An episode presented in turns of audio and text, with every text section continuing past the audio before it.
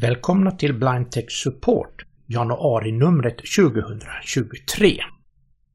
Idag gästas vi av Thomas Götberg från Polar Print och vi kommer att prata hjälpmedel med honom. Mattias i Vaggeryd, hur, hur äh, har tiden varit nu den senaste tiden? Jo, men den har varit ganska bra, men eh, börjar att eh, tona upp sig lite grann här. Jag närmar mig startdatum på, på mitt nya arbete. Så det har varit en hel del internutbildningar det sista här och eh, jag har även haft eh, då David faktiskt på besök hemma från insyn som har varit de som har hjälpt mig med att komma igång med mina hjälpmedel som jag ska använda mig av när jag sitter och arbetar. Så att eh, bra men intensivt eh, kan jag säga och eh, både jul och nyår eh, försvann bara rätt upp och ner. Det var eh, kort ledighet kändes som. Så att eh, ja, men i övrigt väldigt, väldigt bra. Eh, inte varit sådär jättemycket ny teknik eh, kors i taket men eh, ja, absolut kommer nog mer saker framöver här hoppas jag. Ja, och så tar vi då Eh, Lisbeth i, Göteborg. Ja, hej på er alla. Eh, jag är lite förkyld för tillfället. Så jag kommer inte att prata så jättemycket i denna sändningen. Men eh, för övrigt är det bra och jag har haft bra jul och nyårshelger. Så inget att klaga på. Ser fram emot ett nytt år. Och Linda i Stenungsund.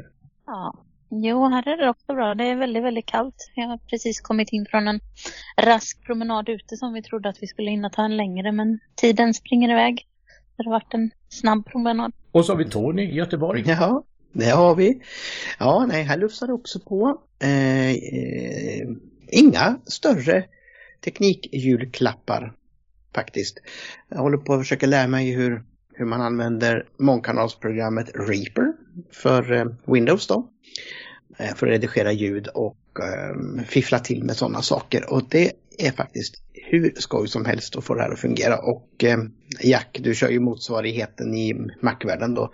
Eller en av motsvarigheterna då som heter eh, Amadeus Pro då. Så det är väl lite lika. Men det är kul att prova lite roliga program om man kan göra med dem.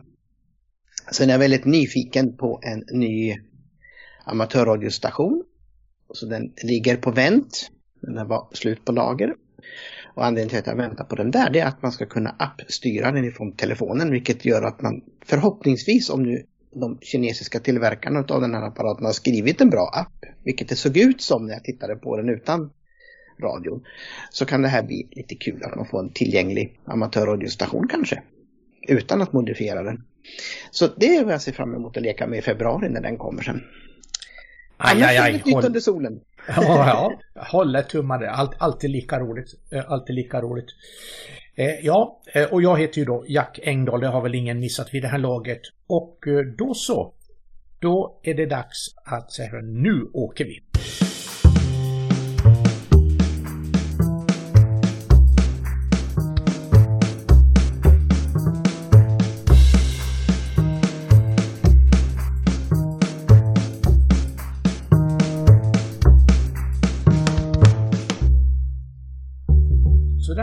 Då är vi igång och eh, då så eh, ska jag börja med att hälsa Thomas Götberg från Polarprint välkommen till vår studio. Tackar, tackar.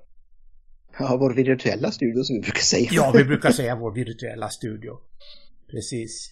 Ja, vi har bjudit eh, in dig för vi vill ta lite hjälpmedel med dig. Och vi är jätteglada att du Eh, här hos oss och vill vara med på, på inspelningen eh, i Blindtech Support. Thomas, eh, hur är läget? Var sitter du och hur har tiden efter nyåret nu, jul och nyårshelgen har varit? Ja, tack ska du ha. Jag sitter i Falköping. Falköping, det ligger, ja vad ska vi säga att det ligger, ganska nära Skövde och inte så långt ifrån Borås heller i Västra Götaland i alla fall då.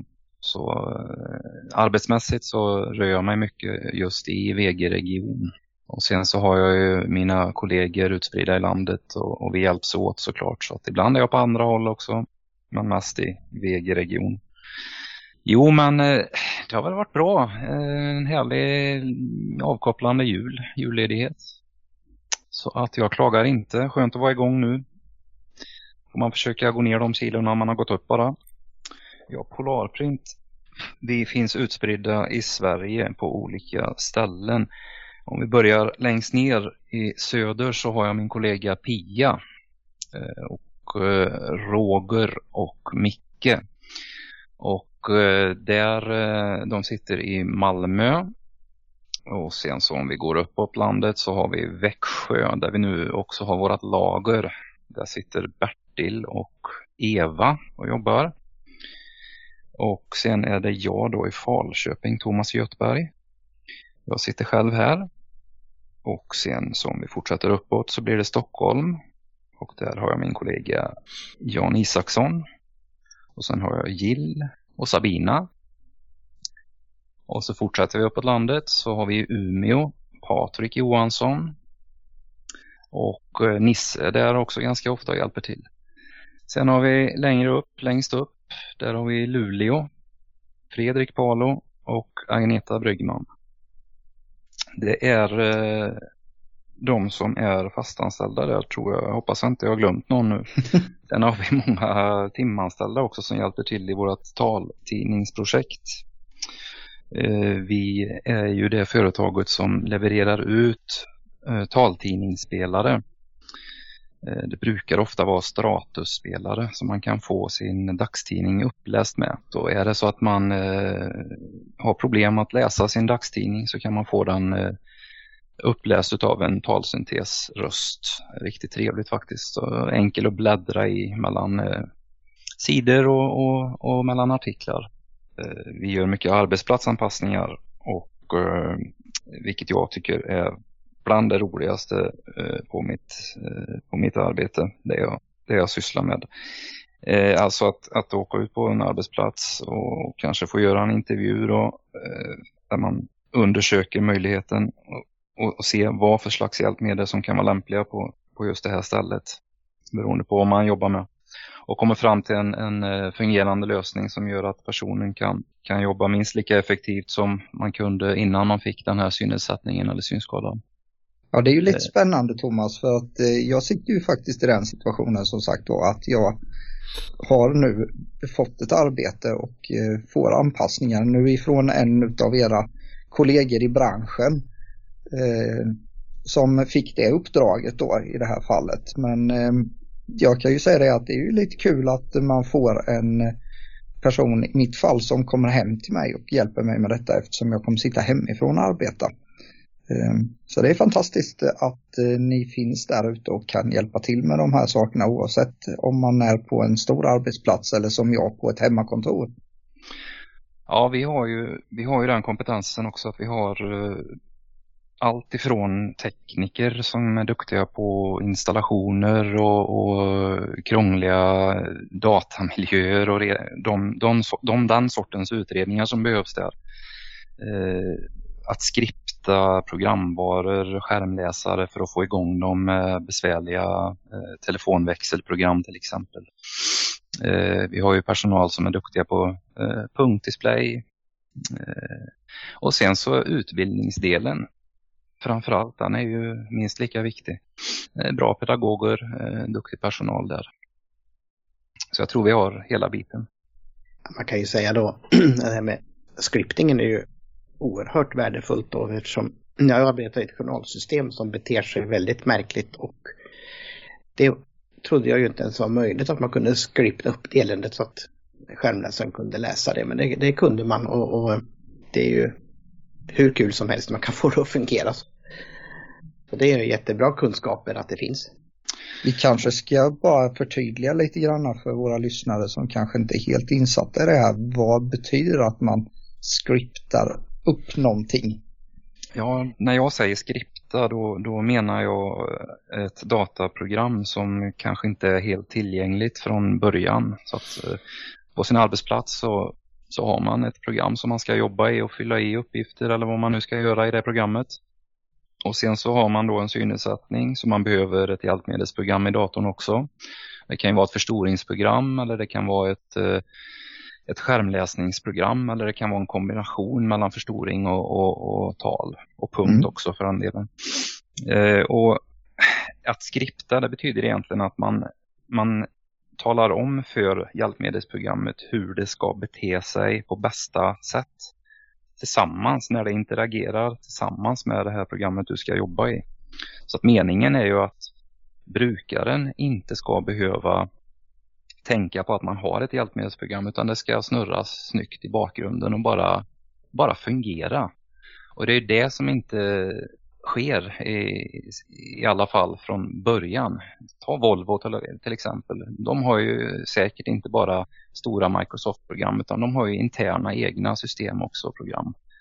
Kommer man ut till ett sådant ställe då är det ju sannolikt att det inte fungerar från början utan då får man göra skript för att förstoringen ska följa med när man tabbar runt i en dialog eller för att talet ska läsa upp den texten som är viktig.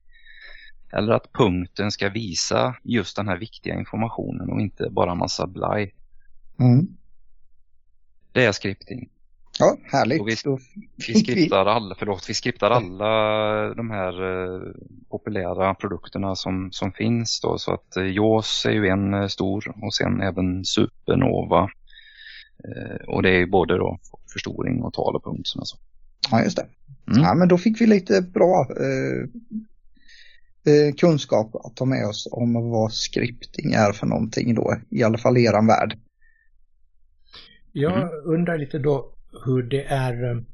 Eh, ibland så uppdateras ju de här systemen. Eh, det här med skript, de här skripten man får då till till exempel då JAWS eller Supernova, följer de med per automatik och uppdateras eller hur, hur funkar det en sån här sak? Om man sitter på en arbetsplats och helt plötsligt så funkar inte telefonväxeln som den gjorde igår till exempel.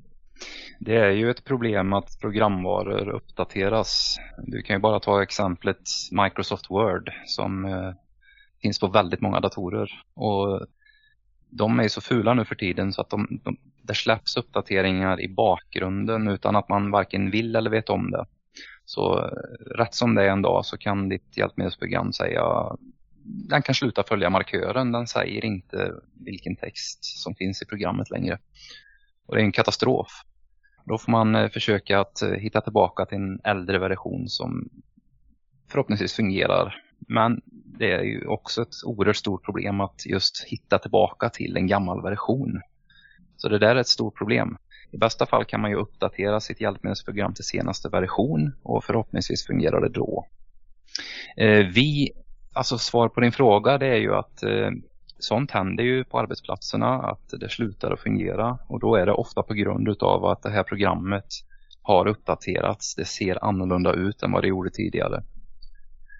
Och då får man besöka, då får man starta upp ett nytt ärende tillsammans med Arbetsförmedlingen eller Försäkringskassa och göra en utredning vad det är som har hänt. Och förhoppningsvis är det en liten åtgärd som behöver göras för att eh, det ska hoppa igång igen.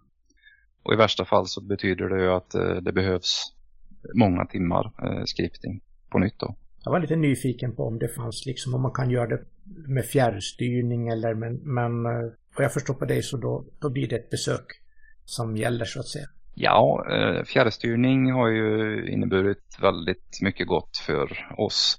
Eh, för vi kan ju göra en hel del arbete fjärrledes. Vi behöver inte nödvändigtvis alla gånger åka ut till plats. Eh, så har man till exempel ett, eh, säg nu att vi har fått i uppdrag från Arbetsförmedlingen att göra en arbetsplatsanpassning och eh, då, då ligger det som regel ett antal timmar i ärendet. Säg att man har tio timmar och på de tio timmarna, timmarna då ska man utbilda och man ska eh, göra de här programvarorna så att de fungerar så bra som möjligt tillsammans med hjälpmedelsprogrammet. Men det kanske slutar med att man, man har tre eller fyra timmar till övers. Och man kan ju göra då på två sätt. Antingen så fryser man inne dem där eller så utnyttjar man dem senare. Eh, till exempel ifall det skulle hända någonting att en programvara ändrar sig så att man måste titta på, på det igen. Och då har man tre timmar till godo och så kanske man kan lösa det fjärrledes. I bästa fall. Så skulle det kunna gå till. Hur ser det ut när det gäller Supernova och uh, JAWS idag? Eh, JAWS är väl uppe i det som heter 2023 då. Så att eh, sent eh, i år kommer väl det släppas en stor, nästa större version då som heter 2024. Det brukar alltid släppas precis innan eh, årsskiftet vad det gäller JAWS då. Och eh, Zoomtext, den andra programvaran för förstoring från samma tillverkare, de följer ju samma princip. Supernova däremot, de hittills då så, så gör de inte det utan den, nya, eller den, den nuvarande versionen den heter 21 och senare bara om en vecka eller två så kommer det faktiskt släppas en ny version av Supernova här. Men den het, kommer inte heta 2023 då utan den kommer heta 22. Så Supernova 22 den släpps Eh, preliminärt alldeles i början på februari detta året då. Eh, men ungefär samma system där att man släpper precis som JAWS och Zoomtext en stor version varje år. Och sen vet jag att Dolphin har pratat om att ändra sitt eh, versionssystem så att det heter ungefär som att det följer åren även för dem då. Så att kanske blir det så att Supernova kommer heta 2024 nästa år då. En program eh, vara som Dolphin gör som man inte hör så mycket om för det är ju inte så jättemånga kanske av oss här och eh, de som lyssnar som kanske använder den men det är ju Dolphin Guide. Vill du berätta lite om den då? Mm. Eh, Guide Connect heter den om man ska vara noggrann. Den hette tidigare Guide bara. Eh, men koden där i var eh, skriven eh, i ett gammalt eh, system och istället för att underhålla det så valde man att lägga ner produkten, göra om den från början så att den blev kompatibel med de nya operativsystemen som Windows 10 och Windows 11. Så nu är det en helt modern produkt som är enkel för Dolphin att vidareutveckla. Do eh, Guide Connect heter den och det är en eh, produkt som ett, ett hjälpmedelsprogram som har inbyggd förstoring, inbyggt tal och är egentligen till för gruppen som tycker att det är, det är för krångligt att jobba med ett hjälpmedelsprogram som heter Supernova eller som heter JAWS eller som heter Zoomtext. Det är för många kortkommandon att hålla i huvudet och det blir, eh, jag ska också kanske lära mig hur Outlook fungerar eller hur PowerPoint fungerar eller vad de nu heter alla andra program och, och vad de har för kortkommandon och, och få det här att lira tillsammans. Men Guide Connect, det, det, det, är ett speciellt gränssnitt som eh, när man startar upp sin dator så startar det här hjälpmedelsprogrammet upp automatiskt och man ser egentligen aldrig röken av operativsystemet och man ser in, inte de här apparna man har installerat utan man hamnar liksom som i en egen liten bubbla eller en, en speciell miljö där allt ser likadant ut ungefär. Eh, hela tiden. Man arbetar med piltangenter, pil upp, pil ner. Och så väljer man med enter det man vill göra i programmet. I huvudmenyn kan det stå till exempel e-post, webbsidor, dokument, skanna och läs, eh, underhållning, kalender och så vidare. Och så väljer man vad man vill göra, hur man vill jobba med sin dator. Och vad man än väljer där så ska det vara så jäkla enkelt som möjligt. Det får inte bli svårt. Så att eh, jag skulle tänka mig att kan du lära dig en sex, sju olika tryckningar på tangentbordet. Eh, enter, pil upp, pil ner och eh, F2 en sån här viktig kommando och några stycken till om du vill förstora och förminska texten och sådär. Då, då klarar du av det där. Busenkelt. Och har du fått det här programmet ifrån din syncentral då får du säkert också hjälp att, uh, att få det inställt så att det fungerar med din mail och sådär så att man slipper göra sånt själv. Då är det bara att tuta och köra. Låter ju jättespännande. Ja, den är, jag har ju kört den lite, lite grann och vi har några stycken som har den hos oss också. Och i, ibland så tycker man att den var så pass enkel så den var svår i vissa lägen. Men det är ett jättebra program är det och ehm, jag tror man kan väl också ställa in lite hur mycket den snackar och så också för de var ju väldigt eh, pratglad. pratglada. Men jag tror man kan ställa in det också. Ja, det kan man. Standard, eh, inställningarna i den är ju kanske tveksamma. Jag skulle gärna vilja ändra dem för att den är väldigt pratig som du säger. Och man, jag, vill, jag sänker ju det, det första jag gör. Likadant eh, muspekaren är gigantisk utan någon anledning. Och det är trevligt med en stor muspekare men man kanske skulle kunna välja en lite mindre i alla fall då. Men allt sånt eh, utseendemässigt och likadant hur den ska låta och vilken röst du vill jobba med, kvinnlig, manlig eller eh, olika språk och så. Det är inställnings inställningsbart. Mm. Har de något sånt program för mobiltelefoner också? För det har vi ju fått frågan om ibland att man tycker Android-gränssnittet, för det är de enda som går att anpassa på det sättet, att det är alldeles för krångligt och man skulle vilja ha sånt här litet skalprogram och en billig mobil då. Men eh, det finns ju några stycken olika men eh, jag har väl inte hittat något som är sådär superbra men, men eh, har Dolphin något sånt också? Nej, det har de inte. Eh, jag känner inte till om någon jobbar på någonting sånt heller. Det har jag inte hört talas om faktiskt. Nej, för det skulle finnas en viss marknad för kan jag tänka mig. Ja, säkert. Hur ser det ut på, på förstoringssidan då, om man är synsvag till exempel? Det finns ju, om vi pratar om Supernova så finns det ju, det finns ju ett antal olika versioner utav Supernova. I engelskan tror jag man säger Supernova Flavors. Alltså om man börjar med Supernova förstoring den, det hörs ju på namnet. Det är, en, det är en produkt som förstorar skärminnehållet. Eh, och nästa, den heter Supernova förstoring och talstöd. Och det, den innehåller samma förstoringsfunktioner. Eh, men här har du också talsyntes som läser det grundläggande på skärmen. Det är alltså ingen eh, produkt som, eh, om man inte ser skärminnehållet, för att den, då ger den dig för lite information om vad som sker på skärmen. Utan det här är någonting egentligen för musanvändare. Man klickar runt med en förstorad skärmbild.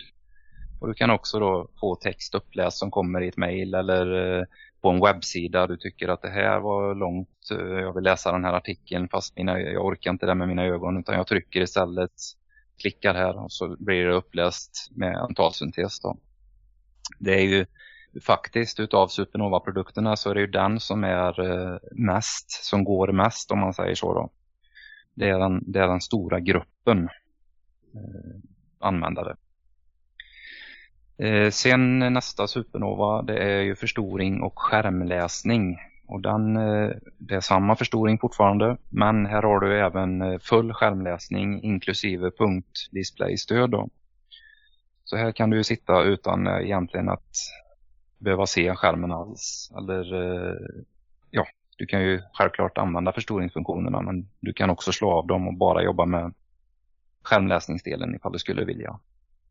Så det är de tre Supernova-versionerna som finns. Sen har du ytterligare en produkt men han heter Screenreader. Eh, och Screenreader den har ingen förstoring utan det är en motsvarande produkt till JAWS. Här har vi alltså tal och punkt och ingenting annat. Och det går även utmärkt att skripta till Screenreader också. När vi då är, om vi tittar lite vidare då på eh, läskameror och sånt, hur ser det ut på den marknaden. Jag är väldigt okunnig om det.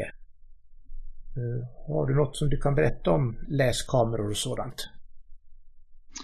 Ja, Polarprint har ju flera läskameror, populära läskameror som både finns hos syncentraler och, och, som vi använder i våra arbetsplatsanpassningar.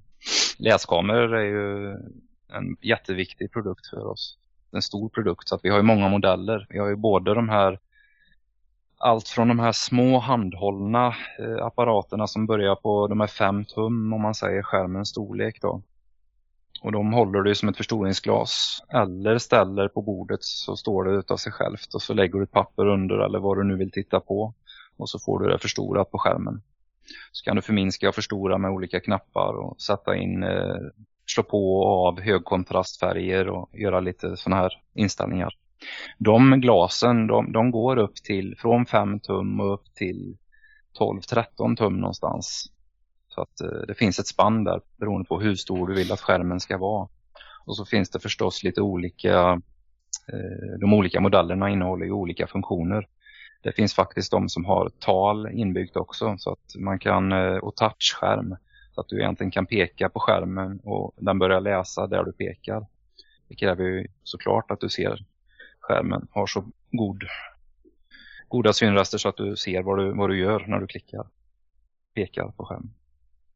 Sen finns det de lite större systemen som då kommer vi upp till det som kallar, kallas bärbart. Att du kan fälla ihop eh, en skärm och gå iväg med den någonstans. Kanske packa ner den i en väska och så upp igen med den. Och så är du snabbt igång. Populärt till exempel i skolmiljö. Och de eh, brukar ju börja någonstans på mm, 12-13 tum och så gå upp till 16, 17, 18 någonstans där.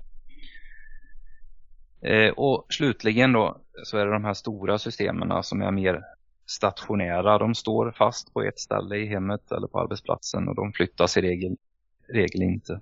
Ja, vi har som sagt många eh, modeller eh, är upphandlade av syncentralerna eh, och tillgängliga eh, så att man kan fråga efter dem. Men det är ju liksom Polarprint system så finns det ju andra konkurrerande system i Sverige. Så att det finns ju en mängd av de här. Men Polarprint har många fina. Ja, där har det ju hänt hur mycket som helst sen jag använder dem. Då har det blivit plattskärmar och, och nätta fina kameror och portabla system. Eh, och, och, det senaste var jag väl att de flesta i alla fall har väl uppläsning numera också. Ja, väldigt många har fått uppläsning också. Det har gått lite Eh, ja, det har blivit superpopulärt, det har blivit. Men sen är det ju inte alla som tycker om det och kanske inte alla på syncentralen heller som uppskattar att det är talsyntes i alla apparater. Så därför så finns det ju kvar ganska mycket med bara förstoring. Ja, precis.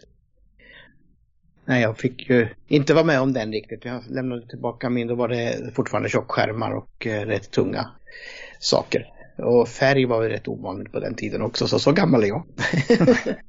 ja. Men det, var, det är kul att vara med om den här utvecklingen just från de här stora eh, Bamse-systemen på 28 tums tjockskärm till dagens platta. Eh, det, det, tycker jag är lite kul att ha fått vara med ändå. Ja, den första jag såg eh, 1974 i Helsingfors, det var, det var en riktig möbel alltså. Man ställde ja, tv-apparaten ovanpå Ja. Och sen så tutar man igång och så var det som ett litet läsbord som man flyttade en skiva så det var riktiga grejer att hålla i så att säga.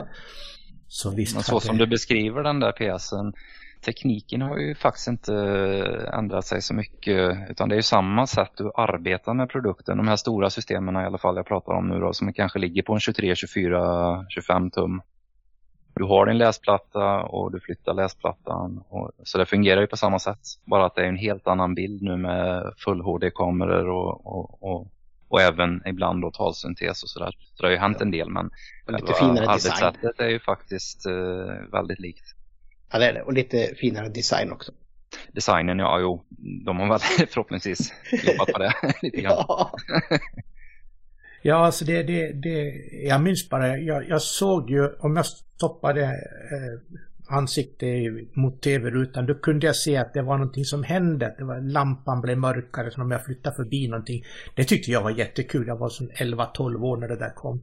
Men det var ju inte jag som skulle använda den, utan det var ju grabbarna som hade lite ledsyn och så som faktiskt kunde ha nytta av den där apparaten. Det var ju de som skulle sitta där. Men jag vet inte vem som satt mest där när det gällde det där. Men det är det minne jag har ifrån Helsingfors-tiden mm. då, de här apparaterna. Mm. Ja, de hette väl Magnivision på den tiden och det var väl ett registrerat varumärke också så fick man ju inte döpa dem till sen. Ja, CCTV har jag också hört talas om. jag tror den kallas CCTV, den där rackaren de hade i Helsingfors. Ja, det kan säkert stämma. Det, det är många som fortfarande säger idag, men läs-tv tror jag är det korrekta namnet. Ja, läskamera har jag också hört, så det är väl olika där. Ja. Har ni några mera skojiga program i er arsenal förutom skärmläsare och förstoringsprogram och, och Guide Connect? Eh, pratar du programvaror? Ja, precis. Ja, eh, vi har väl eh, flera stycken. Det gäller bara att komma på vilka det är. Jag tänker då på det här Duxbury-programmet som egentligen har varit jättepopulärt. Vi har sålt väldigt mycket av det. Och det är ju ett program som gör att du kan eh, konvertera till exempel ett Word-dokument till punktskrift och få det eh, utskrivet på en skrivare, en punktskrivare. Men idag har det ju blivit helt eh, utkänt det där programmet eftersom de, de nyare indexskrivarna de har, de har ju konverteringsprogrammet klart i skrivaren. Följer med. Så att det finns egentligen ingen större anledning om man inte föredrar att arbeta i i det här Duxbury-programmet för att man har lärt sig det och tycker så mycket om det. Men med indexskrivarna idag då kan du, då kan du egentligen logga in på en eh, webbsida på eh, skrivarens IP-adress och du får upp en kontrollpanel och kan skriva ut direkt från den. Vilket innebär att eh, med en indexskrivare så kan du, du kan skriva ut på din telefon, surfplatta. Eh, jag kan skriva ut på eh, vilken indexskrivare som helst eh, ifrån mitt kontor i Falköping eh, förutsatt att jag får IP-adressen till din skrivare. Jag kan också fjärrstyra och hjälpa dig som sitter i Göteborg eller i, uppe i Stockholm eller var som helst. Eh, så att, eh, helt suveränt att det körs via webben nu. Ja, det har ju blivit jättebra. Vi har ju en sån hos oss också. Det funkar ju hur bra som helst. Våra administratörer som inte är så duktiga på punktskrift kan ju skriva ut saker på den och det blir jättebra. Så att eh, de har blivit jättebra index. Är det dubbelutskrift på dem nu eller hur, hur ser det ut kan på göra, Ja, man kan väl göra vad man vill nästan där Thomas. Det finns väl inga begränsningar i nästan vad du kan göra med den.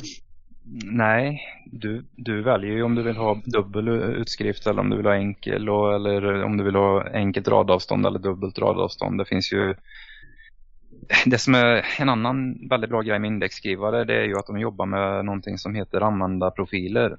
Så att, eh, eller ja, profiler heter den. Så att du väljer till exempel att nu vill jag skriva ut med profil 1 här. Och profil 1, där har du ställt in från början exakt hur du vill att profil 1 ska vara. Det kanske är enkelsidigt. Eh, det kanske är eh, 25 rader per sida det kanske ska vara förkortad punktskrift om du vill ha det. Ja, du ställer i alla fall in alla parametrar och sen sparar du den profilen. Sen så börjar du jobba med profil nummer två, eh, hur du vill att den ska vara. Och när du har ställt in allt det där, då kan du snabbt växla mellan profilerna eh, så att du inte behöver göra inställningen när du väl ska skriva ut, utan då har du färdiga profiler att bara välja. Och ännu bättre, det är faktiskt att som brukare man behöver inte ens skapa de här profilerna utan det finns färdiga från början som täcker de allra flestas behov. Eh, om du inte har väldigt eh, speciella preferenser hur du vill ha dina utskrifter då. Men det finns eh, färdiga för dubbelsidig och enkelsidig och A3 och A4 och liggande och stående och ja, alla möjliga kombinationer. En som jag använder mycket det är ju den här, nu ska vi säga det stående A3 eller vad 17 det är och så när den är färdig med alltihopa så blir det i alla fall ett litet häfte du kan vika upp och till och med häfta. Den tycker jag är jäkligt snygg när man skriver ut. Mm. Den använder jag mycket på jobbet när jag skriver ut till mig själv små lathundar och sånt där som jag ska ha med mig på mina utbildningar. Det kliar i mina fingrar. alltså det skulle ju vara att ha någonting när man, som lite smått manus också när man, när man ska prata i en mikrofon så man har det i knä och ja. läsa. Eller varför inte sångtexter som man, man byter med varann. är ju också ja. himla smidigt att få utskrivet i, i punktskrift om det är någon visa som, som kanske min kompis i, i Ludvika har men som jag inte har tillgång till. Ja men precis. Och sen glömmer man ju texter också. Ja, det, det gör man ju. Det, det, är alltså, det har jag ju märkt alla gånger. Visst, punktskriften tar plats men den är oslagbar eh, i många, många eh, avseende. Ja, likadant när man ska ha hand om matrecept och sånt. Det är också väldigt smidigt med punkt för det går, det går fort alltså. Det går geschwint. Ja. Var det inte så Thomas att Polarprint var från början eh, utvecklad av punktskrivare? Jag vill minnas att det var så i alla fall. Jo, men du har helt rätt. Eh, så Staffan Syk då, nu kan inte jag den här historien riktigt ordentligt så att jag tror det är bäst att jag avstår från att berätta den. Men ni, ni har helt rätt där, att det började uppe i Luleå och uh, Staffan valde sen att gå en annan väg då med, med hjälpmedel och Polarprints istället då. Men visst Just- började de med skriva det. Ja, jag vill minnas att det var så. Och sen så Ja, vart det då... Björn uh, heter Index. han ju, gick ju till, det blev ju Index då. Ja, Index Braille. Det finns ju kvar i alla högsta grad. absolut. Ja, vi kan ju prata lite grann punktdisplay kanske om ni vill. Mm. Absolut. Ja. Ja, vi har en som heter Mantis. Eh, Och den, det, den är ganska unik. Jag, jag vet inte ens om det finns någon motsvarighet i Sverige. Den har nämligen ett fullt QWERTY-tangentbord. eh, Samtidigt som den också har såklart då en punktrad. Så eh, och om man tänker normalt sett kanske om man har en punktdisplay eh, då har du också den kopplad till en bärbar dator kanske. Och så sätter du punktdisplayen framför den bärbara datorn.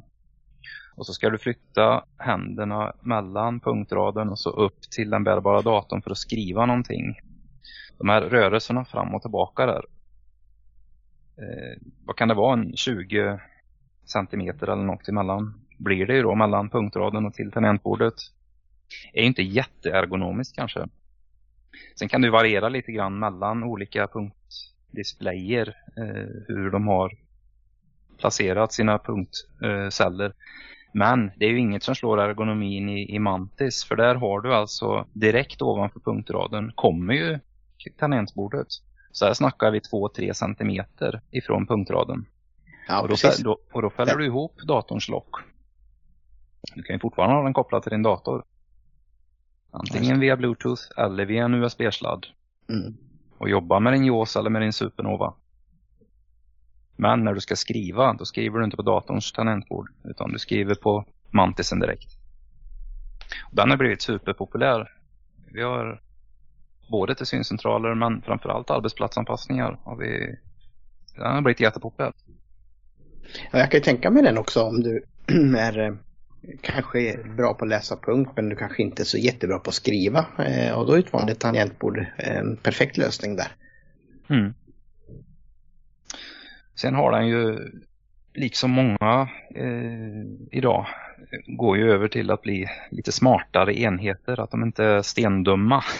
Utan du kan faktiskt eh, strunta i att ha den kopplad till en skärmläsare och jobba med den som den är.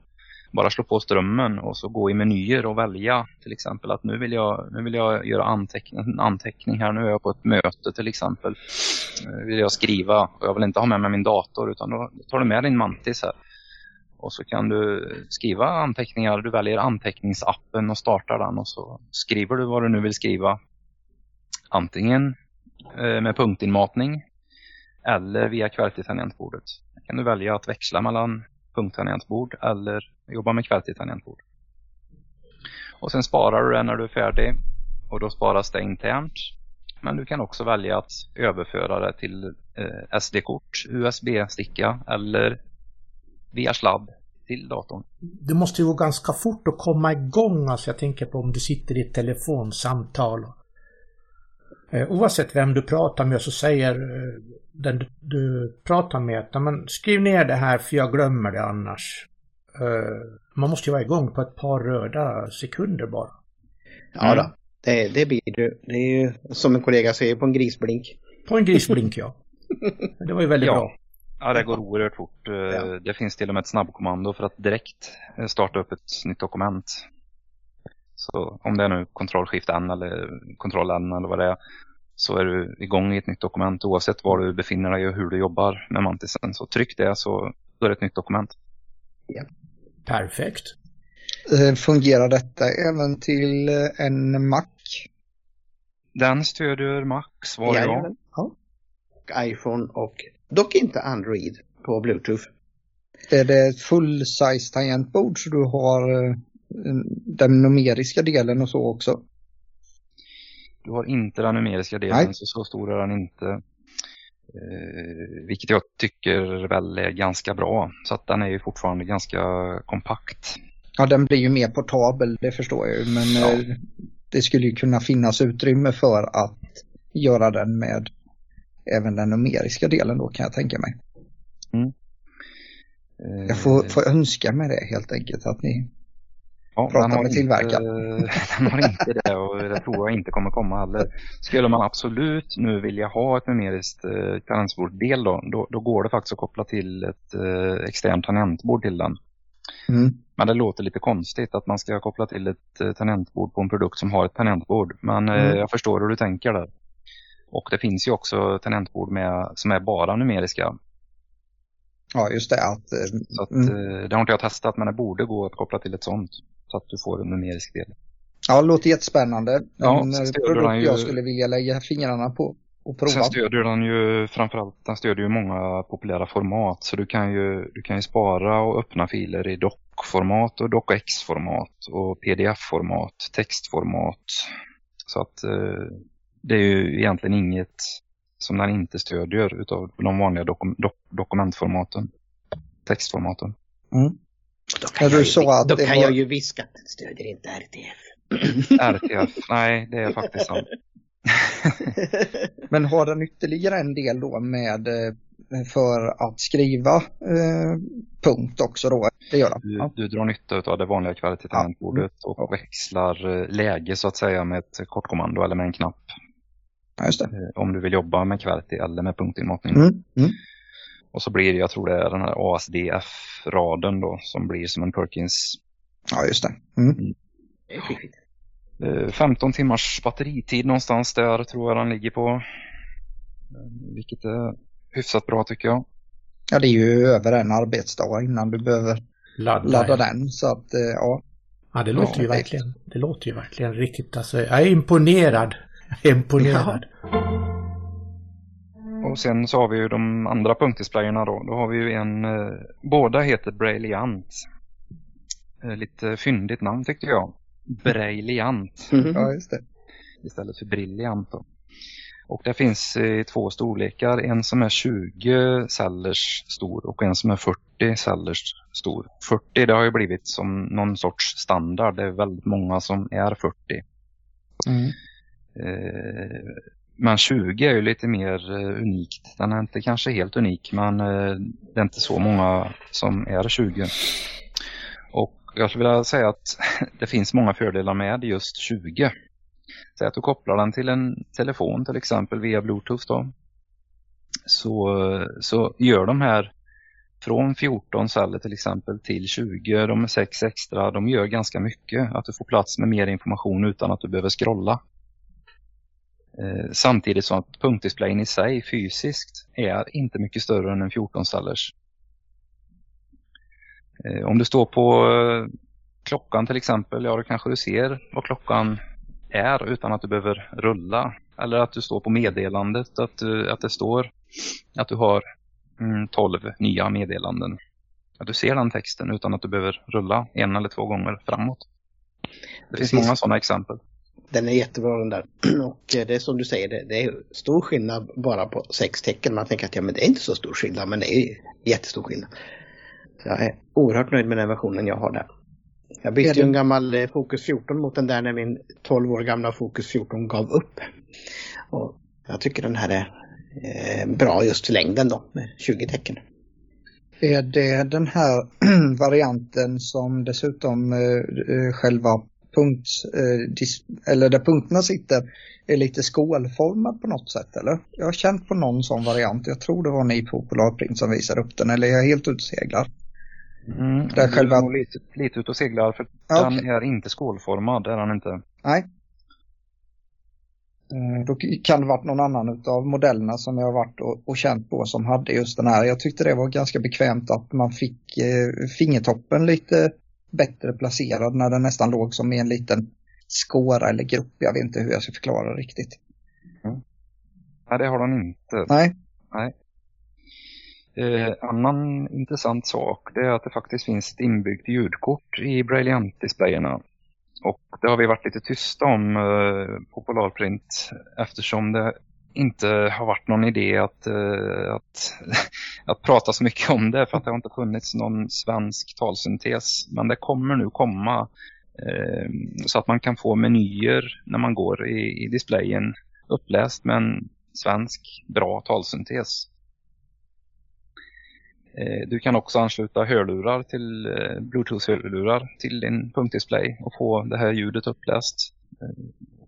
Och likadant om du vill läsa upp textdokument, ja, då kan du få det uppläst via den här talsyntesrösten. Så att det där är ganska intressant. Ja, jag har provat det på engelska och det funkade jättebra gjorde det. Så det blir kul att se det komma på svenska sen. Mm. Ja, och på engelska då finns det redan. Men eh, det, då måste man ställa in displayens eh, hela språk så att menyerna blir på engelska för ja, att komma åt engelska, den engelska rösten. Och det kanske inte vi rekommenderar eh, att man gör. Då, då, då, får man ju vara duktig på engelska och, och känna till att det är så det fungerar då. ja, och jag är så nyfiken så jag är tvungen att prova. Klart. Såklart. Och så förlorar man säkert OEÖ. Nej, det gjorde man inte. Nej, det gjorde man inte. Nej, det, gick att köra, det gick att köra engelskt språk med svensk punkttabell. Ah, okej. Okay. Mm. Nej, är de ju moderna de här punktdisplayerna. De har ju Bluetooth 5. Ni som är teknikduktiga, eller nördar mm. till och med, ni vet att det är längre räckvidd med Bluetooth 5 jämfört med den gamla standarden. Och den är snabbare att para ihop. Men... Ja, det funkar jättebra gör det. Eh, så, ibland när man ska visa eh, saker och ting och så kanske man har någon på rummet och så ska man para ihop med display. Då gäller det att se upp vilket serienummer man parar ihop med så man inte parar ihop med sin egen. som står inne på arbetsrummet. Det har vi varit nära att göra några gånger för de har som du säger väldigt lång räckvidd idag. Ja.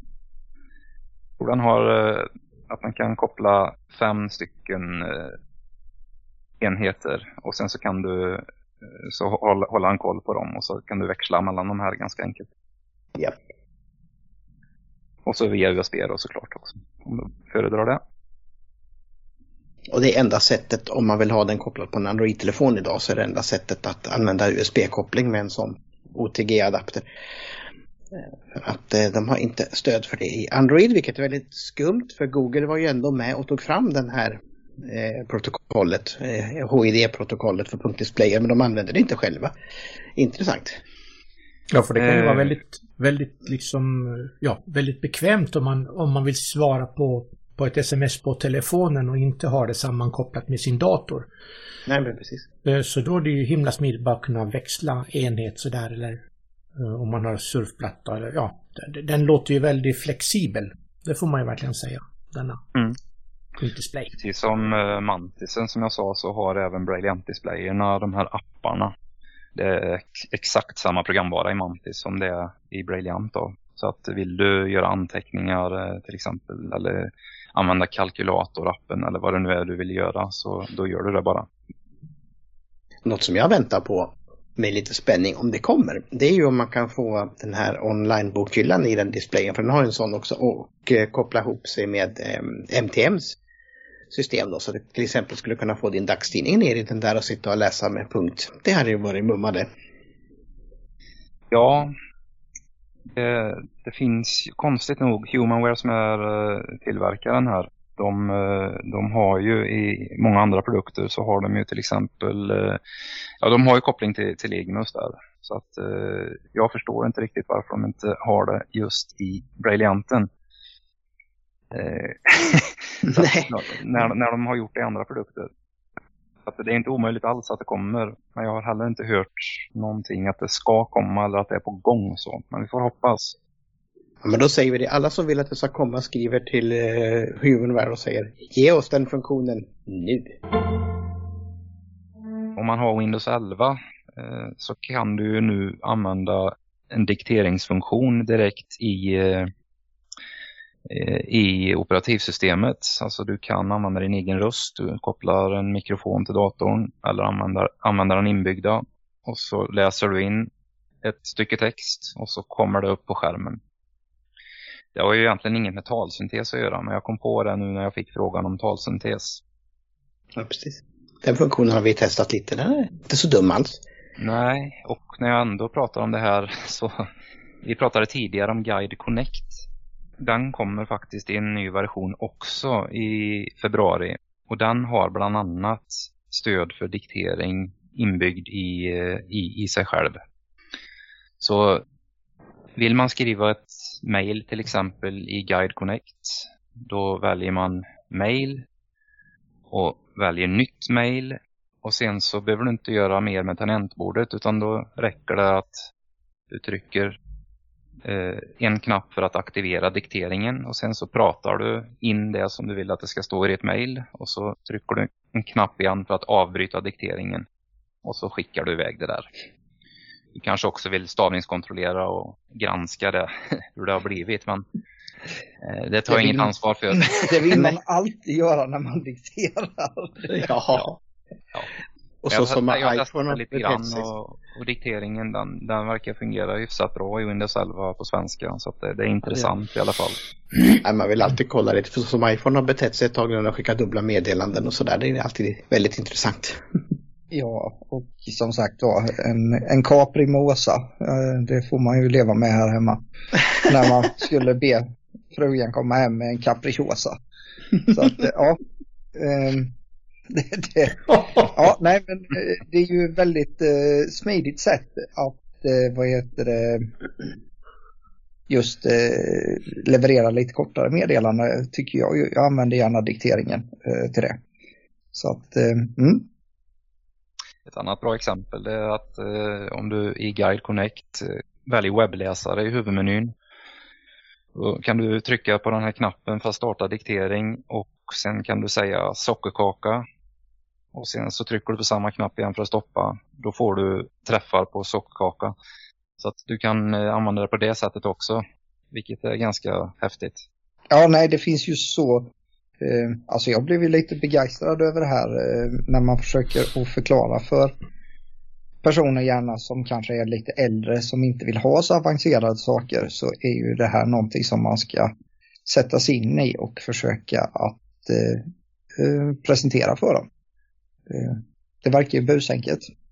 Ja, det är det. Ja, det, det måste vara busenkelt. Mm, Annars ja, faller precis. hela den produkten. Den Ja. är till för just att du ska inte behöva tänka så mycket och lära dig en massa kortkommandon utan det måste vara enkelt här. Mm. Den enda gången när vi har haft något lite bekymmer med det här det är ju när personen som använder programmet är lite, lite för duktig och vill göra lite, lite för mer än vad programmet egentligen kan. Eh, men har ändå inte riktigt kapaciteten att köra ett fullt Windows-system. De som ligger lite, lite, lite mitt emellan där, det, det kan vara lite bekymmer ibland. För då tycker de att det här är lite för enkelt men de klarar inte riktigt av det andra fullsystemet där. Så att det är en liten, liten svår grupp att, att tackla. Men Mm. de, de är som tur har ganska få. Ja, men jag håller med, det, Ja. det stämmer jättebra. Det, det finns ju till exempel ingen motsvarande Excel om man vill eh, älskar att jobba med Excel. Eh, Nej men precis, göra en liten husbudget. och så, Mm. då, då har du ingen, ingen sån möjlighet i Guide Connect. Skulle man kunna ha en liten förenklad så man kan ha en liten husbudget eller lite kul. Ja, precis. Utan det får man skriva i dokumentdelen då. Det, det Ja. fungerar ju inte på samma vis. Eh, prestandamässigt sett då Thomas, eh, för just Guide Connect, eh, behöver du ha någon värstingmaskin vad det gäller dator då eller? Nej, tvärtom så Tvärtom, eh, mm. kan du ta nästan vilken dator som helst som är gammal också. Problemet är med gamla datorer att Guide Connect krä kräver Windows 10 eller senare för att fungera. Mm. Så att du kan, men du skulle kunna hitta en gammal dator som kör på Windows XP. Eh, Så, så lite prestanda kräver den om man säger så. Ja just det. Men sen faller det ändå för att du behöver ha Windows 10 eh, minimum. då. Nej men jag tänker ju närmast på, eh, vi vet ju om att i, i landet så råder det ju olika eh, situationer vad eh, man får utskrivet som hjälpmedel på syncentraler. Och eh, då är det klart att med en tajtare budget då så är ju detta ett väldigt bra alternativ om man vill komma igång och försöka att, eh, vad heter det, om man nu är tvungen att eh, bekosta en egen dator så att säga eh, så kan man ju kanske gå på ett billigare alternativ. JAWS är så pass krävande så du behöver upp på en, vad är det, i5 eller någonting i processorstorlek för att, eller hastighet för att det ska lira. Och gärna lite vassare ändå. Och då börjar vi prata om att du kommer över de där 10 000 och lite till antagligen för en dator. Va? Så Mm. då borde det gå att hitta ett billigare alternativ. Så du kan ju egentligen ta den allra billigaste datorn som eh, Elgiganten eller motsvarande eh, erbjuder. Det fungerar prestandamässigt, inga problem. Mm. Och du kan ju inte få tag på äldre operativsystem än Windows 10 idag. Så att vad du än hittar, menar jag då, i, ute, eh, kommer det fungera med.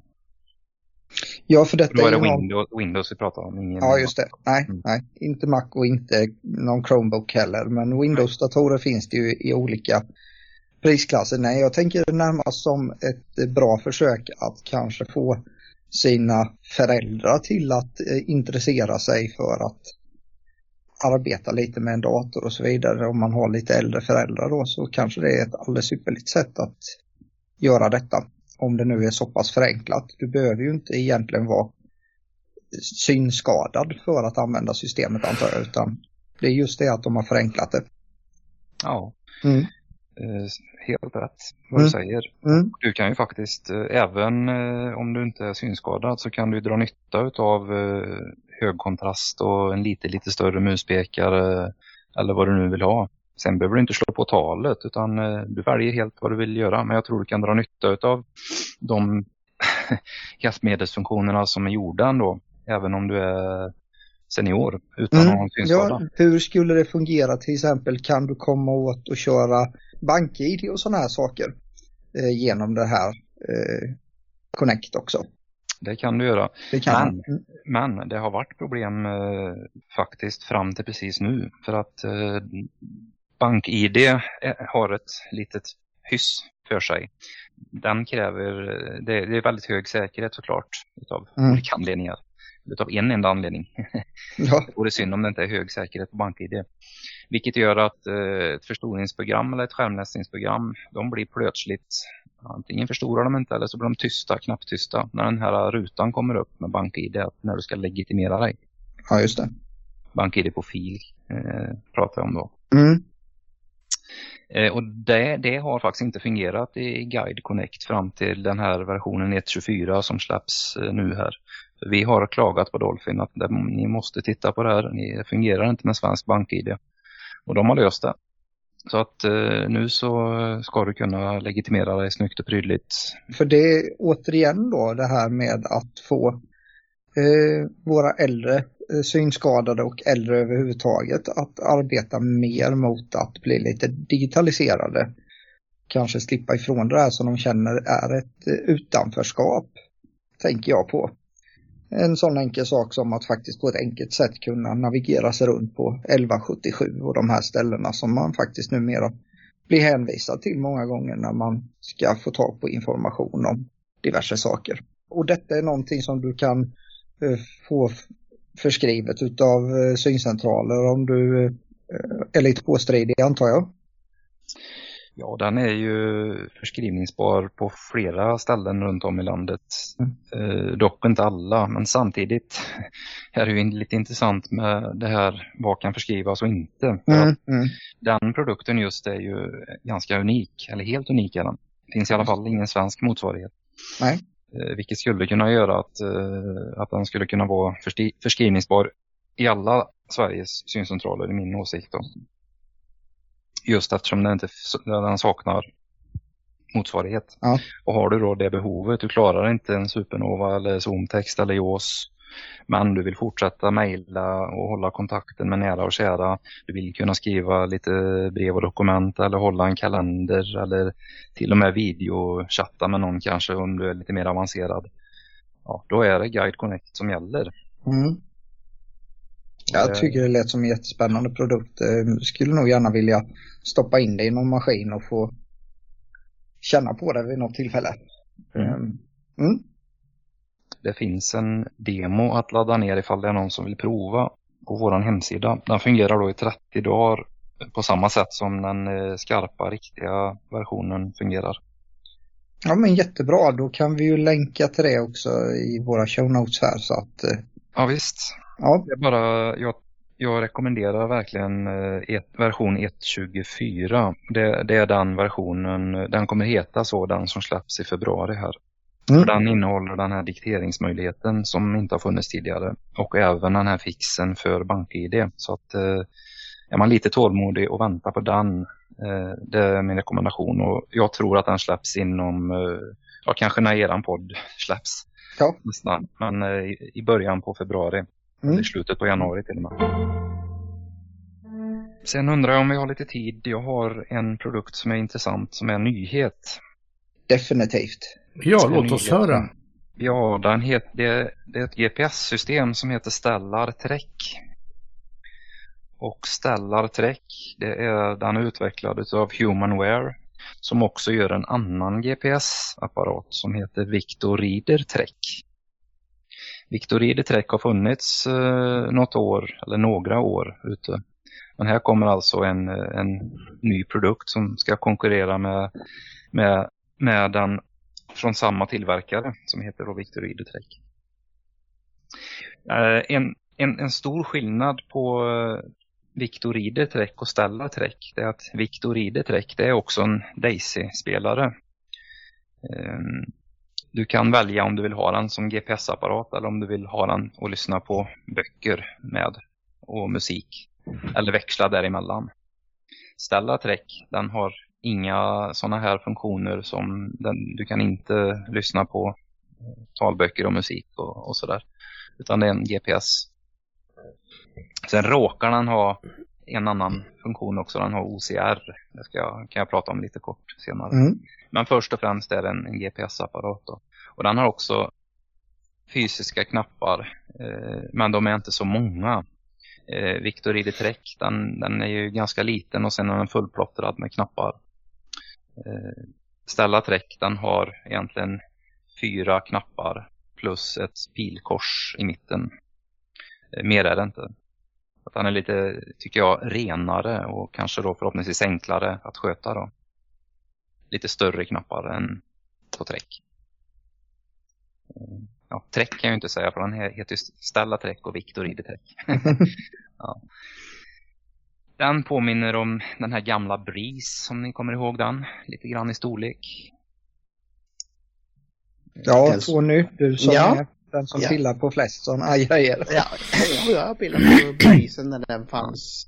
Den är väl 10-12 år sedan någonting tror jag vi hade ett litet projekt uppe i Västerås då när vi skulle prova de här på syncentralen där. Så vi fick några stycken eh, låna ut dem och testa dem där och då. Så den är lite bekant med hur den funkar. Och även då efterföljaren då, eh, Victor Reader Trek har jag pillat lite på också.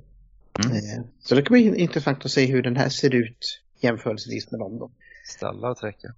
Den har nu en USB-C-kontakt och den har eh, 3,5 mm eh, eh, ljudingång eller utgång.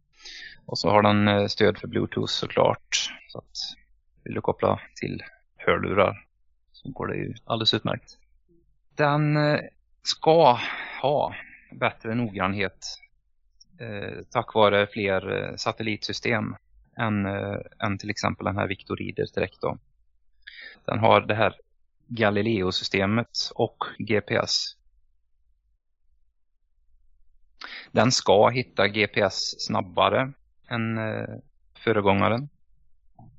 Den har lite längre batteritid än, än Victor Reader Trek. Upp till 20 timmar säger man.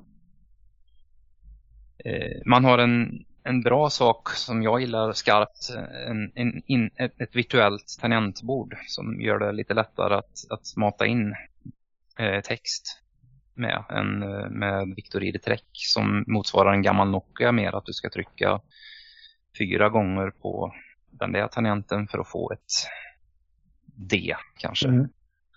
Eh, så går det lite fortare att skriva med den här. Eh, den är lite mer vädertålig. Så att eh, utan problem så kan du råka tappa den i, kort i, i handfatet kanske till och med och, och, snabbt ta upp den. Den är inte vatten den är inte helt vattentålig men den är absolut bättre skyddad än, än Victoride Trek. Den kanske tål Göteborgsvädret bra då? Ja, eller Borås tror jag den klarar av till och med. det, det är inte bra. Eh, sen har den en sån här OCR-funktion som kan användas på två sätt. Eh, antingen så slår du på den och eh, riktar kameran mot till exempel en port. Då får du uppläst om det står ett nummer på porten. Du vet att det är nummer 2B eller 20 eller 16 eller vad det är. Mm. Den där kameran går på ganska långa avstånd så att du, du kan stå på andra sidan gatan Eh, eller på en sida gata och eh, riktar den mot andra sidan gatan och, och, och den tar nummer på hus. Eh, det har vi faktiskt testat. Det, det, det är faktiskt en bra funktion som fungerar. Du kan också OCR eh, saker, alltså ta, ta kort, ta en bild på papper och på eh, saker och få det mer eh, detalj, inte, inte uppläst on the fly så att säga direkt medan bara du håller kameran framför utan om du trycker på en knapp så tar den en bild och sen läser den upp. Så det finns då två olika sådana här uppläsningsfunktioner. Eh, sen har den också en funktion som inte jag har testat eh, och det är för att känna igen var någonstans en dörr är, befinner sig så att man ska kunna med eh, ljudsignaler och så kunna orientera sig fram till en port eller till en dörr. Och då är det en ljudsignal som blir mer intensiv ju, ju närmare du kommer och när du riktar den rätt. Så att säga. Men jag, jag, den är otestad. Mm. Men tanken är god om den fungerar bra som det är tänkt. Jag som aldrig använt mig av en sån här produkt. Eh, mm. Går det tillväga så att man, eh, vad heter det, får man steg för steg navigering eller kan man klicka i eh, waypoints, alltså punkter där man vill ta sig till och få det navigerat eller är det enbart det sån här att man håller upp den och så säger den att nu är du på Götgatan 22? Eh, det finns Eller fungerar det här? Ja, det, kan, det finns flera sätt du kan använda den på. Jag tror att min gissning det är att uh, de, väldigt många använder den som en, uh, som en produkt så att du ska veta var du befinner dig. Att uh, du, du står på en gata någonstans, du trycker på en knapp nummer fem till exempel om man säger den här Victor Trek. När du trycker på knapp nummer fem då säger han att du, du står på Storgatan 15 mm. till exempel. Eh, och när som helst kan du trycka på den här knappen. Både när du sitter i ett fordon, en taxi eller en buss eller eh, någonting och den säger att du färdas i en viss riktning och den säger vilken gata du befinner dig på. Det är en kanonbra funktion. Mm. Men förutom det här så kan du också spela in rutter till exempel. Så att eh, säga att du går tillsammans med någon första gången ifrån hemifrån din brevlåda. Där startar du inspelningen av rutten. Och sen går ni till eh, affären kanske. Och medans du går så, så är apparaten på inspelningsläge och den noterar alla eh, svängar du gör, alla gator du går på och hur du går. Och när du är framme då avslutar du rutten. Och sen får du möjlighet att med din röst spela in ett namn Eh, vad den rutten ska heta. Då kan han ju heta hemifrån till affären till exempel. Sen kan du när som helst använda informationen från den rutten och navigera dig eh, till affären på egen hand då är ju meningen.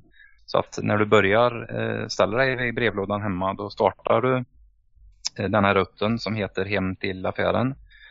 Och då får du första instruktionen som säger att du befinner dig på den här gatan som heter eh, ja, Rantensgårdsväg som min gata heter. Och du ska gå nu eh, 40 meter i den riktningen tills du kommer till en korsning och där ska du ta höger. Då börjar du gå och när du börjar närma dig korsningen mer och mer då får du ett nytt meddelande att nu har du 10 meter kvar till korsningen som du ska ta höger på.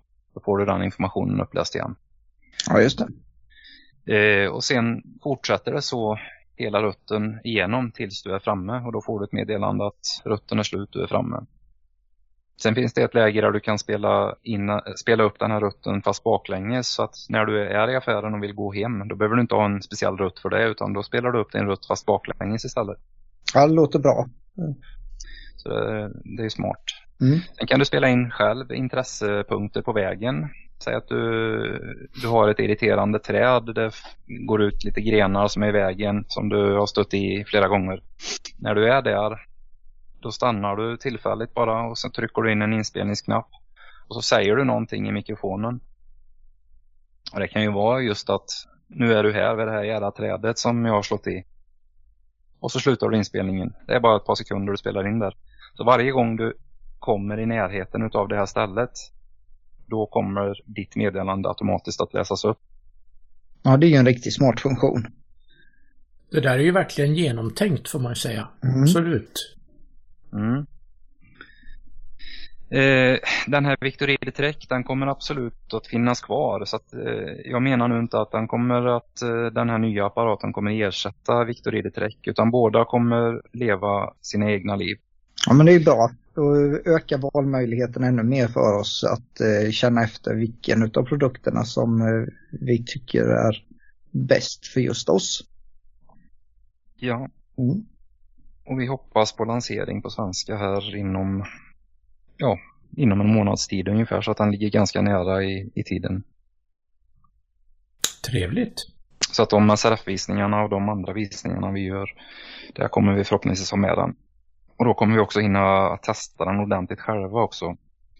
Så att vi kan stå för vad den går för. Ja, absolut. Eh, Det vet du. Skicka gärna ett testexemplar till, till Blindtech Support-teamet. Vi kan ut och testa.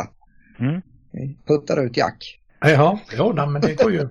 Det finns många roliga fallgropar här att eh, vägar som inte går som man tycker att vägar ska gå i fyrkant utan diagonalt och sånt där. Då kan det vara lite småkul att testa just en sån här grej. Eh, Ja, det, Ja, är, det är jättespännande, absolut. Stella Trek har en inbyggd kompass också. Så den, den märker av när du står still och riktar apparaten så vet den vilket väderstreck du riktar den åt. Eh, med den här andra apparaten då måste du börja att gå för att den ska upptäcka vilken riktning du går åt. Vi tar den här rutten nu igen. Du börjar vid din brevlåda och så står du still där och så säger den att du ska gå i nordlig riktning. För fasen ska du veta vad nordlig riktning är för någonting. Det är inte Det- så lätt. Utan nej, eh, det- med, med, med kompassen då vet du det. För då kan du rikta den åt olika håll och få reda på Mm. vilken, var du pekar någonstans. Vad använder man för kartor i de här har jag varit nyfiken på ibland. Är det Googles kartor eller är det OpenStreetMaps vet jag att man använder i en del utrustning. Ja, eh, i den här Victor ID Trek så är det kartor från HERE. H-E-R-E heter den. De har jag aldrig ens hört talas om. Men är det Nej, inte det som eh, Windows använder sig utav under eh, och, och även Nokia va? Tror jag. Kan nog stämma, det är mer än vad jag vet. Men Ja. HERE het, heter de i alla fall. Många känner ju till TomTom och, och Ja, andra precis. lite Mm. större. Så, men jag vill inte säga att HERE är dåliga eller liten. Utan det kan nog vara som du säger att de används i många andra system. Ja men precis. Och det finns ju kartor för såklart för Sverige och Skandinavien. Men ska du ut och resa någonstans då kan du ju utrusta din eh, GPS med fler kartor eh, kostnadsfritt. Att de kan du ladda ner från antingen, eh, vi har ju de svenska skandinaviska kartorna på våran hemsida men sen kan du också gå till eh, antingen kan du gå till eh, Humanwares eh, hemsida, tillverkarens. Eller så kan du koppla upp din apparat via ditt eh, wifi hemma och eh, gå in i menyerna i apparaten och välja att ladda ner kartor den vägen. Jag kan eh, bara tala om en liten anekdot där om hur eh, det här fungerar. Eh, jag fick ju möjligheten som seende att åka på besök till New York. Och då var det ju lite intressant att försöka navigera sig runt med hjälp utav den karttjänsten som fanns i telefonen. Men så höga byggnader som de har i de städerna så kan jag säga det att det var nog svårt för telefonen att hitta GPS. GPS-signalen. Jag tyckte oftast att jag stod inne i en byggnad eller på något helt annat ställe än vad jag verkligen stod. Så att ja, höga byggnader är ingenting bra för eh, GPS-signaler. Det är lite samma här i Göteborgs centrum också när man går där att den kan ha lite bekymmer. I alla fall telefonerna har lite bekymmer där. Och när man provade den här appen då som numera väl är nedlagd då mer eller mindre. Soundscape då så kunde den ju säga väldigt märkliga saker väldigt långt bort ifrån där man stod. Ja, just det.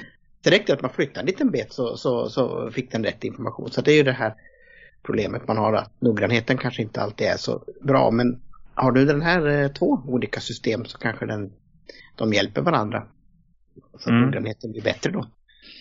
Eh, Det är så det är sagt i alla fall att den ska Ja. ha bättre noggrannhet. Men jag tror ändå att man ska aldrig förlita sig på en GPS. eh, Utan det är som en, tillsammans med en ledarhund till exempel så är det ju, då är det ju oerhört bra. Men att, att, tro att en GPS själv löser alla problem, det, då är man, nej, då förstår man inte riktigt vad en GPS är. Då, då, då tror man att GPS gör för mycket, för det, så, så bra är de inte. Det där stämmer alldeles väldigt bra. Jag har gjort en sån variant eh, tillsammans med en person en gång. Vi gick 45 minuter från en tågstation till ett bibliotek vi skulle till. Det visade sig sen när vi gick tillbaks att biblioteket och tågstationen låg mitt emot varandra. Så det hade gått på fem minuter. Om vi inte hade följt GPSen och vetat vad vi skulle. Men vi fick en härlig motionsrunda i spöregn så vi var inte alls eh, missnöjda. ja. ja, det var en kul ja, historia. Mm. Ja. Oh, ja. Där, Nej, där, men den, bra, här, den här personen drar upp den historien varje gång vi träffas så får man höra den där historien när vi ser vad jag tycker det var så roligt. det är en bra hjälp med GPS, det, det, är inget snack om saken. Men eh, det löser nog inte alla problem heller. Det gör det inte. Nej, man får ta det med en liten nypa salt eller så. Ja. Men som ett bra komplement till eh, andra eh, hjälpmedel och kunskaper är ju jättebra. Absolut. Eh, en duktig käppare och GPS, det, då har du två bra kombinationer. Japp. Mm. Sen eh, ett litet tips. Det är ju inte, tycker jag, så bra att kanske hela tiden hålla den i, i handen, den här GPS-apparaten. Utan eh, ha den i, som ett bältesklipp. Eller häng den runt halsen. Och gärna ett par bluetooth-hörlurar. Gärna, vi har ju hittat ett par speciella eh, som eh, gör att ljudet inte stängs. Du hör trafiken så att du stänger inte ute ljudet på det viset. Och de heter Shockwave, de här hörlurarna. Och de, de sätter man inte i örat. Eh, för då blockerar man ju trafikljudet. Då, då hör man ju bara talsyntesrösten som pratar. Utan man sätter de här ovanför örat på skallbenet. Och ljudet transporteras ner via skallbenet till öron, öronen. Då fungerar riktigt bra och du hör precis vad som händer runt om dig och vilken riktning det sker saker så att du är med. Eh, fiffig funktion det där. Jag har sett någon annan variant av dem där också. Det finns helt olika modeller på dem där. Eh, och det funkar ju jättebra. Och jag antar att man kan få köpa eh, hörlurarna utan eh, den andra utav er också. Ja, mm. vi har paket. Eh, jag sa fel namn förut. Jag sa och jag sa Shockwave. De heter mm. Aftershocks. Aftershocks heter de. Ja. Mm. Lätt att blanda ihop de här namnen ibland. Mm. Ja, men precis. Vi har ett paket där med dem och en läderväska tillsammans. Men sen, och det är för Victor Trek, den läderväskan. Men sen kan man ju också köpa bara lurarna. Ja, men precis. Så. Och sen finns det ju de här, jag vet inte vilken Aftershocks-modell det är, men det finns en som har en liten mikrofonbom på sig också så att du får lite bättre samtalsljud i också. Eh, jag kommer inte ihåg om det är den som ni har där eh, Thomas eller om det är en annan modell som har det. Men det är en fördel om man ska ha dem lite mer i samtal så. Det är en sån mikrofonbom att föredra. Det blir lite bättre ljud då. Den har även mikrofon, har den, mm. de här aftershocks. Ja, Thomas, har du mer som du vill ta och nämna när, vi, när du ändå har möjligheten här? Eller känner du dig mätt? Man kan givetvis, tror jag, gå in på Polars hemsida och eh, läsa på om de produkterna som ni tillhandahåller. Ja, vi har ju, vi har ju såklart eh, information på hemsidan där. Sen kan det ju vara vissa saker som eh, inte framkommer tydligt där och då är det bara att slå en signal till någon av oss. Den här eh, Svensk syn som har funnits, den, den finns ju inte mer. Och Svensk syn, det var ju en bransch organisation där alla, alla företag som jobbar med synhjälpmedel eh, ställde ut tillsammans och visade saker tillsammans. Så nu, nu när inte det finns längre så kommer vi att visa våra produkter på liknande sätt, men då gör vi det i egen regi. Så att vi kommer ju finnas eh, runt om i landet och, och göra visningar tillsammans med SRF och, och på andra ställen och sen så är det ju mycket digitala visningar såklart också nu för tiden. Så att eh, vi kommer ju finnas där via, via Zoom eller Teams eller något annat liknande och göra visningar också. Dock har vi inget sånt regelbundet så att eh, en gång i månaden eller så finns vi en viss tid eller så, så har vi inget än i alla fall. Men det är inte omöjligt att det, att det blir. För det, det går ju åt mer och mer digitala visningar, det är ju, det är ju klart. Vi ser ju många som använder, om, om eh, någon av oss har gjort en bra eh, produktpresentation och fått den inspelad vid ett webbinar som vi har gjort. Då lägger vi upp den på vår Youtube-kanal. Eh, så det kan ni söka efter på Polarprint på Youtube. Eh, då kan man ju se vissa filmer där och se dem om och om igen. Och jag vet ju att många på syncentralen, personal där, de använder ju dem och det är ju meningen att man ska göra. Som att förkovra sig själv och, och få repetera, möjlighet att repetera för man glömmer av. Det är fullt förståeligt. Ja men precis. Vad var det nu han sa att det var för prestanda på den där? Så kan man gå in och Vad var det för kortkommando nu igen? Ja, precis. ja, det vet jag att det finns en bra presentation. Eh, jag tror det finns på Youtube också där. Eh, om Victor Reader Stream då som ni hade för många år sedan. Den var jättebra med sig.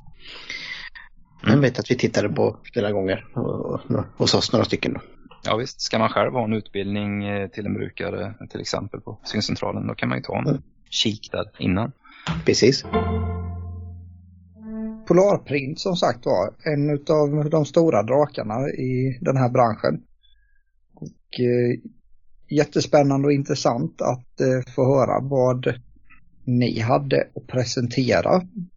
Och eh, ja, känner du att du har någonting mer som du vill lätta på innan vi slår igen laptoplocket? Det var jättetrevligt att få vara med för första gången. Hoppas det blir fler gånger. Absolut. Eh, antal produkter och, och, olika produkter, det kan jag nog prata om så att eh, ni att ni tröttnar rejält om det är så. Det skulle kunna vara att man har glömt att läsa, att, eh, att nämna läsmaskiner då. Vi har ju sådana här så kallade läsmaskiner med. Det är ju en maskin för att snabbt och enkelt få en text uppläst utan att ha, använda telefon eller så. Utan det är då en specialapparat som är enkel och som står på ett bord kanske eller som man flyttar runt. Du trycker på en knapp, alltså du lägger, lägger posten du har fått i brevlådan till exempel på, eh, på skrivbordet och så fäller du upp en arm kanske. Armen tittar ner på det här som du har lagt och du trycker på fotografera-knappen, en knapp på den här apparaten och så börjar han att läsa snabbt vad, vad man har lagt på bordet då. Eh, helt enkelt vad som står i det här pappret som du har fått i brevlådan det är ju en läsmaskin eller läsapparat. Och där har vi två stycken eh, fina apparater. En som heter Clear Reader som är en riktig sån här trotjänare som har funnits länge.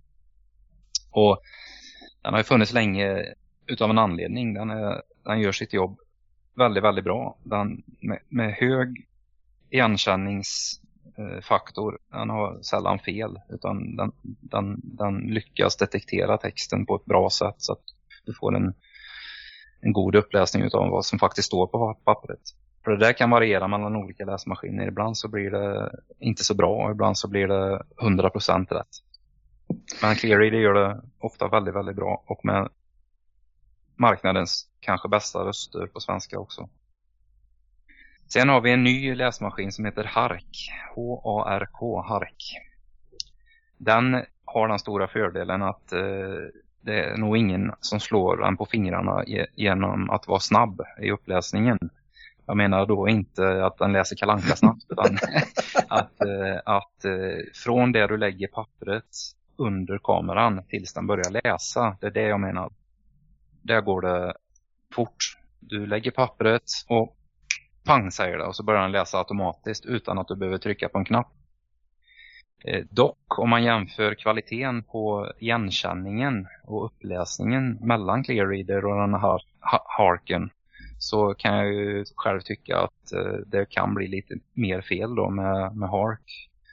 Men det är väl, eh, vad, vad, gillar man? Gillar man att det ska gå snabbt och man föredrar det och värdesätter det mer än att man får kvalitet 100%. Så Hark är absolut en intressant nyhet. Denna typen av hjälpmedel var bland det första som jag stötte på och fick ta med mig hem.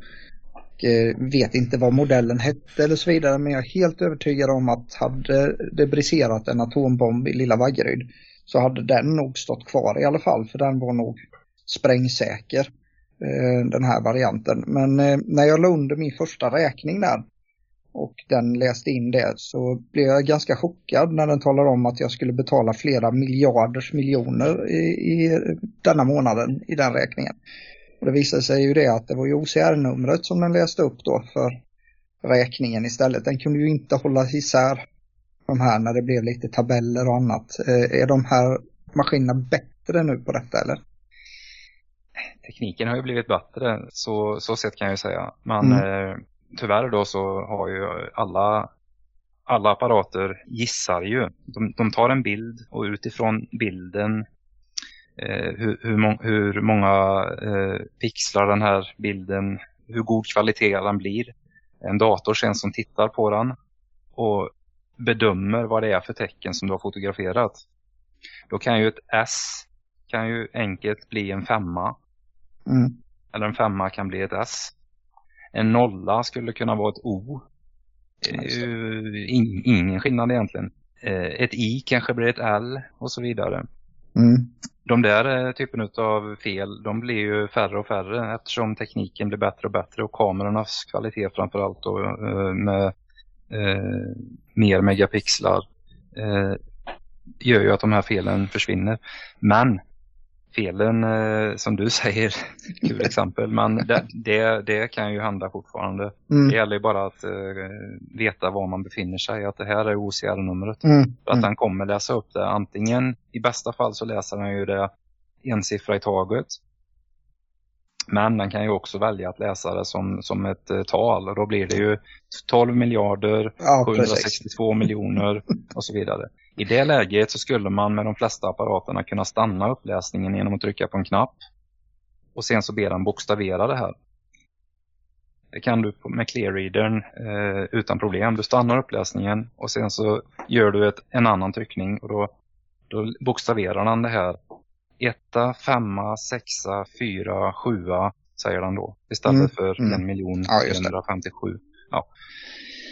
Um, ja men mm. då finns det lite sätt att komma runt det här. Ja, det, det. det är möjligt att jag hade, att det var skit bakom spakarna här. Eh, för jag använde den under väldigt kort tid och eh, satte mig nog inte in tillräckligt mycket i hur den fungerade. Men det var ett ganska roligt exempel på hur, hur det kan bli lite fel där. Eh, och det, jag tror dig när du säger att det bara kan bli bättre.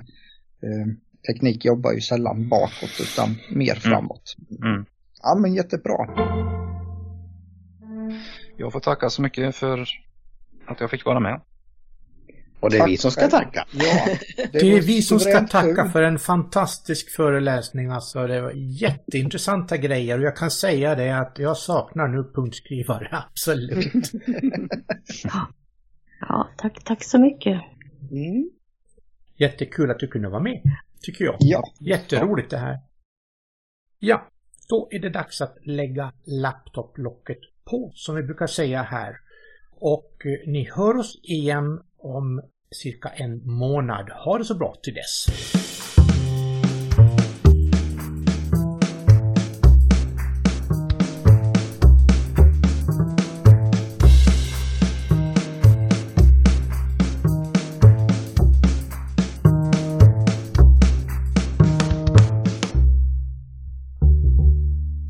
Kontaktuppgifter vill ni komma i kontakt med oss så gör ni det på följande sätt. Maila till info blindtechsupport.se